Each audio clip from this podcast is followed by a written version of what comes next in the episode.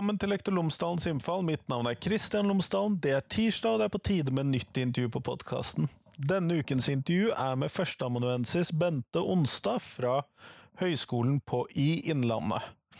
Jeg snakker med henne om bekymringsmeldinger til barnevernet, og når det er riktig at skolene sender bekymringsmeldinger. Når er det greit at vi bryter taushetsplikten og tar det opp med barnevernet, de situasjonene som vi hører om i løpet av skolehverdagen og i tilknytning til elevene. Her er det nemlig en del begrensninger, og det er mulig at skolene misforstår når det er mulig å sende slike bekymringsmeldinger. Det får du i hvert fall høre mer om når, i intervjuet med Bente Onsdag. Her får du det, vær så god.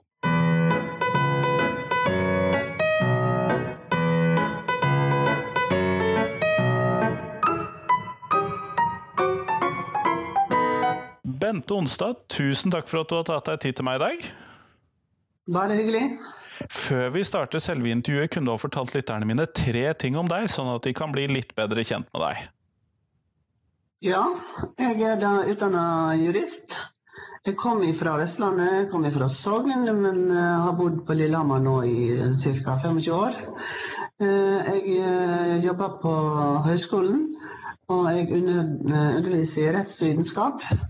Og mitt, mitt, fagfelt er da velferdsrett, helse og sosialrett. Det er det jeg underviser i, og det er det jeg skriver og forsker innenfor det fagområdet.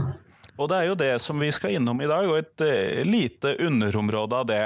Eh, ja. Fordi at som lærere så har vi noen plikter knyttet til um, taushetsplikt, men vi har også mm. noen plikter knyttet til det å uh, sende bekymringsmeldinger til barnevernet når det er mm. behov for det. Men kunne du si noe med når er det egentlig vi som lærere skal sende disse bekymringsmeldingene, og når er det vi ikke skal gjøre det? Hva er det som bør ligge til grunn? Eh, altså Utgangspunkt for behandling av alle personopplysninger, altså alle opplysninger om personer, de er eh, utgangspunktet taushetsbelagte. Så man har taushetsplikt etter opplæringsloven, og samme taushetsplikten har man da innenfor andre deler av offentlig forvaltning. Og noen har litt strengere taushetsplikt, som f.eks. helsepersonell. Men eh, utgangspunktet er altså at uh, opplysninger om enkelte elever det er taushetsbelagt.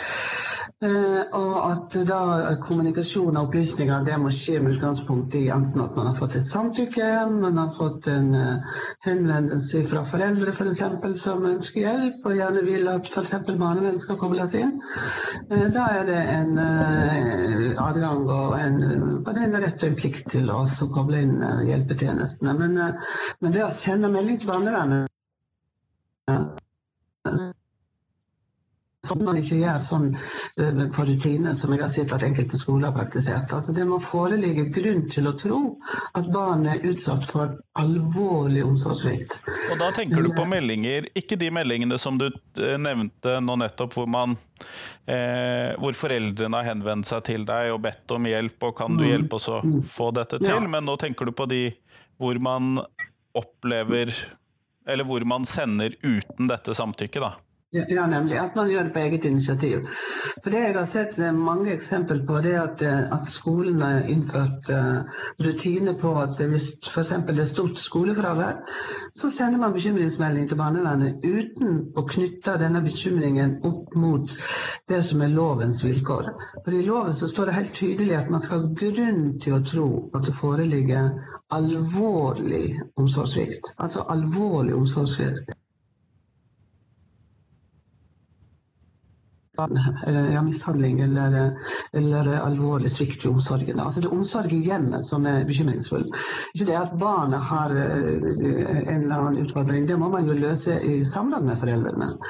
Men, eh, men, hvis man mener at barnet blir slått, barnet blir mishandla, det blir utsatt for overgrep, da har man plikt til å sende melding til barnevernet uten å gå veien om foreldrenes samtykke eller involvering på forhånd. Eh, og da kan man jo tenke seg, for du nevner her at eh, kommuner eller skoler har lagt opp som en rutine at de sender inn eh, bekymringsmeldinger ved høyt fravær. Er det noen andre sånne hva skal vi kalle det, rutinesaker som du mener at kommunene praktiserer, eller skolene praktiserer feil? Den er spesielt den som jeg har sett har, mange kommuner har fulgt. Men, men, ellers har vi jo sett eksempel på mobbesaker. Altså hvis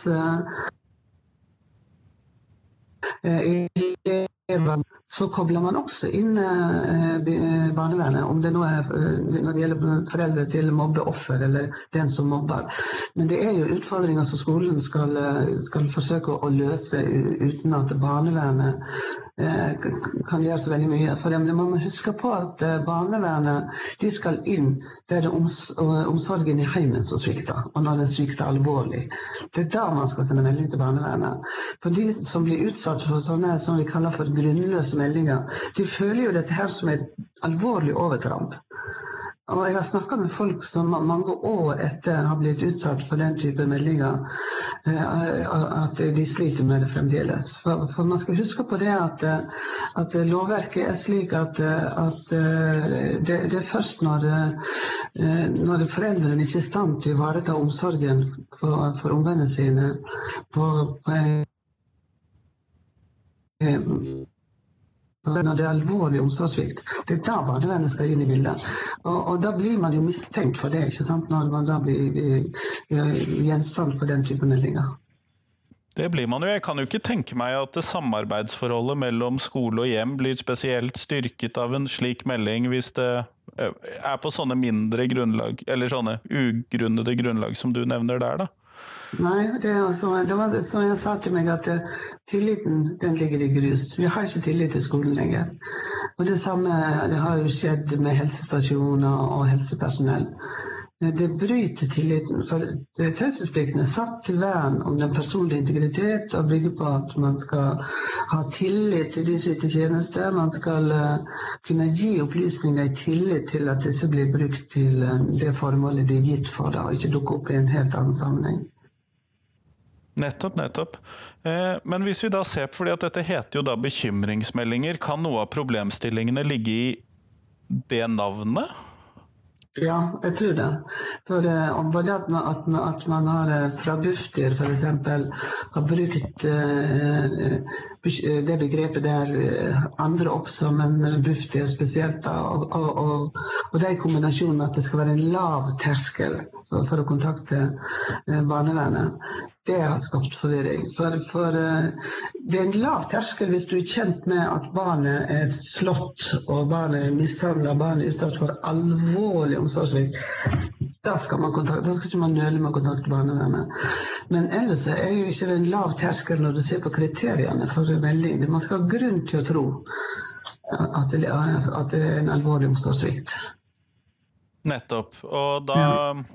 høres det jo For jeg syns jo det var veldig rart når du sa det at uh, man ser at uh, der hvor barnet blir mobbet, så blir det også sendt uh, bekymringsmelding enkelte ganger. Ja. Og det syns jo jeg var veldig vanskelig å forstå, da.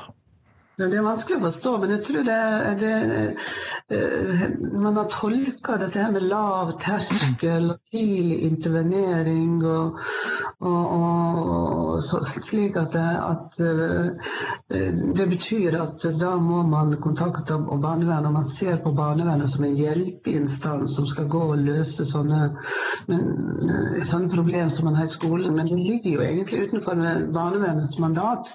Og så må man skille mellom hjelp og, og, inngrep. All hjelp beror jo på frivillighet.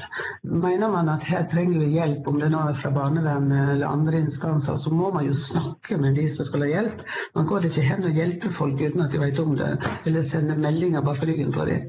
Men det er snakk om inngrep fordi at alle disse kriteriene som, eh, som, kan gi grunn for å sende melding uten samtykke, det er knytta til at eh, barnevernet, eh, barnevernet, kan gå inn og inngripe i foreldremyndigheten.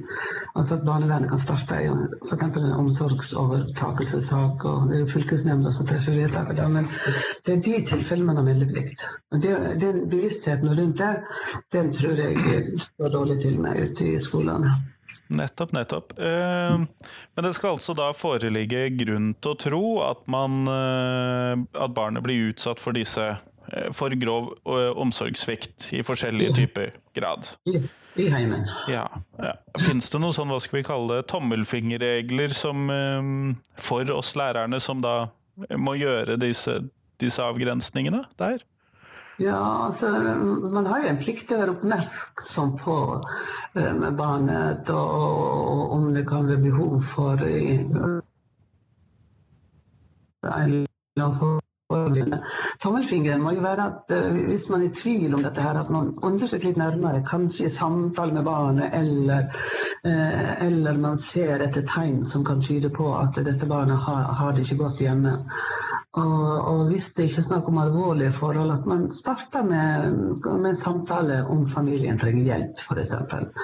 Og så må man gå inn med hjelpetiltak. Og jeg tror veldig mange av disse sakene som har fått et uheldig forløp, og, og kanskje til og med havna i som en omsorgsovertagelsessak Nå har vi jo sett på Menneskerettighetsdomstolen som har dømt Norge, at det kanskje kunne vært unngått med at man hadde en god dialog med familien og, og satt inn hjelp og, og forsøkte hjelp.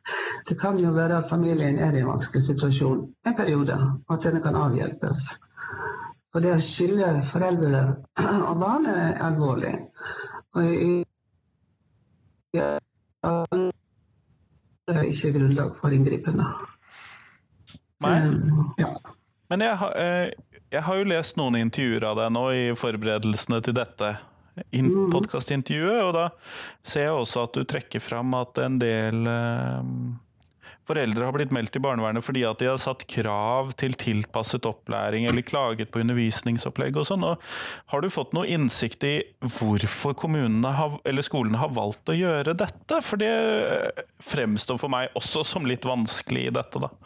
Ja, det, det fremstår så helt ubegripelig at, at, det skal være grunn til å melde familie til barnevernet. Men du har jo den saken ifra fra Sunnmøre eller Nordmøre, der de, de, ble meldt fordi at de, de, hadde en sønn som lå foran når det gjaldt matematikk, og, og hadde gjort lekser som da ikke skulle gjøres for dagen eller som elevene hadde skrevet, og så syntes jo mor at dette var en, en dårlig måte å drive undervisning på, så hun tok jo det opp. Og, og da syntes denne læreren at mora ble så krevende at hun mente at i og med at hun ble så krevende, så skapte det problemer i forhold mellom skolen og hjemmet, og så meldte de henne til barnevernet. Det er jo totalt meningsløst. Eh, har det da, I sånne type saker har det foreligget noe kritikk fra disse fylkesnemndene eller fra andre eh, rettsinstanser på dette, på at eh, man har meldt dette for tidlig? Jeg lurer på om det finnes noen type konsekvenser for oss lærere hvis vi begår den typen feil? Ja, etter sånne saker kommer de ikke fra fylkesnemnda. fordi at De kommer til barnevernet, og så blir de lagt bort fordi de er grunnløse. Altså De, de, de oppfyller ikke eh, kravene i barnevernloven. Så de kommer ikke til fylkesnemnda. Og så kan man jo klage til eh, Ta det opp med kommunen som er i tilfelle så går kommunen aktivt inn, ser jeg. Men, eh, men eh, kanskje er de mer beskytta nå for læreren enn for familien. Eh, og så kan man jo klage til Fylkesmannen, som fører et generelt tilsyn med virksomheten i kommunene. Men der, der, der syns jeg Fylkesmannen har vært veldig forbeholden og, og liksom henvist til at det er et skjønn. Sett et par saker der Fylkesmannen har, har satt skapet på plass. Og sagt at det er ikke en sak som skal til barnevernet. Så blir det jo en liten, en, en liten pekefinger, men det får ikke mer alvorlige konsekvenser enn det, som regel. Nei, eh, og det kan nok Jeg kan tenke meg at det kan oppleves som vanskelig for de foreldrene det gjelder. Eh, sånn ut ifra hvordan jeg selv tror jeg ville opplevd den situasjonen. De, de, føler det som et uh, overtramp. Og det var som hun sa, hun som, som ba om tilrettelagt undervisning for en matteflink gutt. Hun sa at det var som å få en rakett inn i stua når plutselig barnevernet kom på døra. Um, og det, det, er. Altså, I og med at uh, det er kun i de tilfellene foreldrene ikke kan dra omsorg for ungene sine, at det begår alvorlig omsorgssvikt, at barnevernet skal inn, så er det veldig stigmatiserende og føles som en veldig stor belastning at barnevernet plutselig kommer på besøk. Mm. Eh, når vi da ser på disse sakene som er knyttet til skolefravær, for der uh, har du jo snakket om at det rutinemessig blir sendt ut uh, i enkelte kommuner eller på enkelte skoler. Uh, kan det tenkes at dette skyldes uh, fordi at vi har jo sett et politisk krav, i hvert fall fra deler av uh, de politiske partiene, hvor dette med å være borte fra skolen, uh, da skal barnevernet kobles inn. F.eks. knyttet til barn som kommer fra andre kulturer, ja. eller eh, ja. også i forhold til fritak, eller fraværsgrense for ungdomsskole ja. og den type ting. Kan det tenkes at dette er noe av det som ligger bak? Dette blir jo selvfølgelig bare spekulasjoner. det kan jo godt tenkes, for man har jo skoleplikt. Man har jo plikt til å sende ungene sine på skole. Men uh, de tilfellene vi har hatt, da, det er jo uh, at uh, skolefraværet er dokumentert gjennom legeerklæring. Barnet er sykt. ME har jo vært mange saker der foreldre er blitt meldt til barnevernet. Og Da er det ikke sånn at de unndrar seg fra den opplæringsplikten, men barnet er for sykt til å kunne delta i undervisningen. Så da må man jo finne en tilrettelegging for barnet. Og man skal i alle fall ikke sende en melding til barnevernet. Der foreldre er utmerkede omsorgspersoner fordi at barnet er sykt.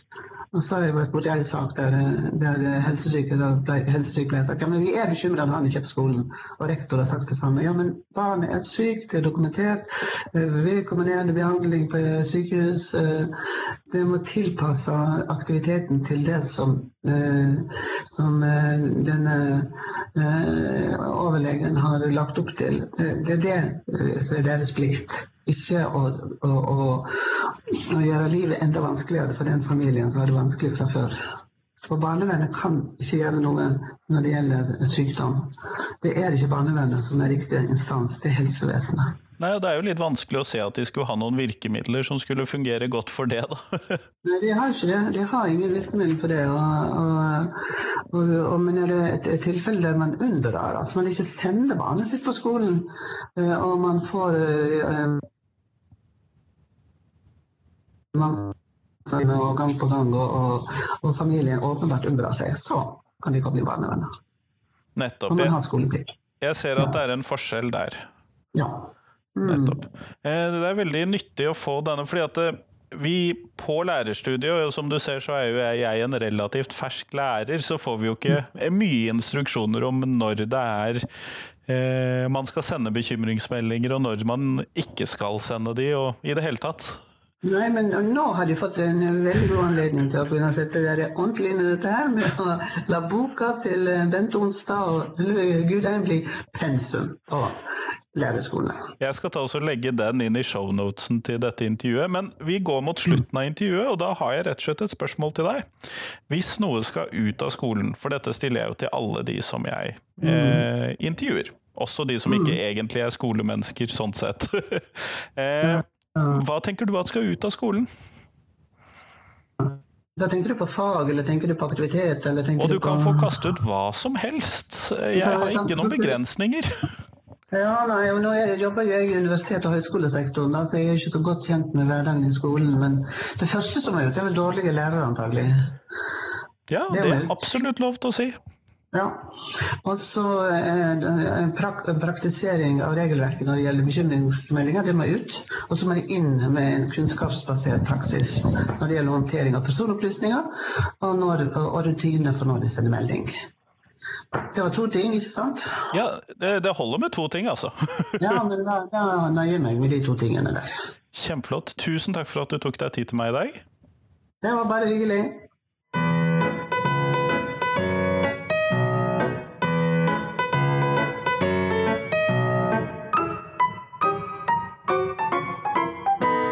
Tusen takk til Bente, og tusen takk til deg som hørte på. Nå er det én uke igjen av eh, Nei, en uke igjen til neste gang vi høres på podkasten. Jeg gleder meg til neste gang.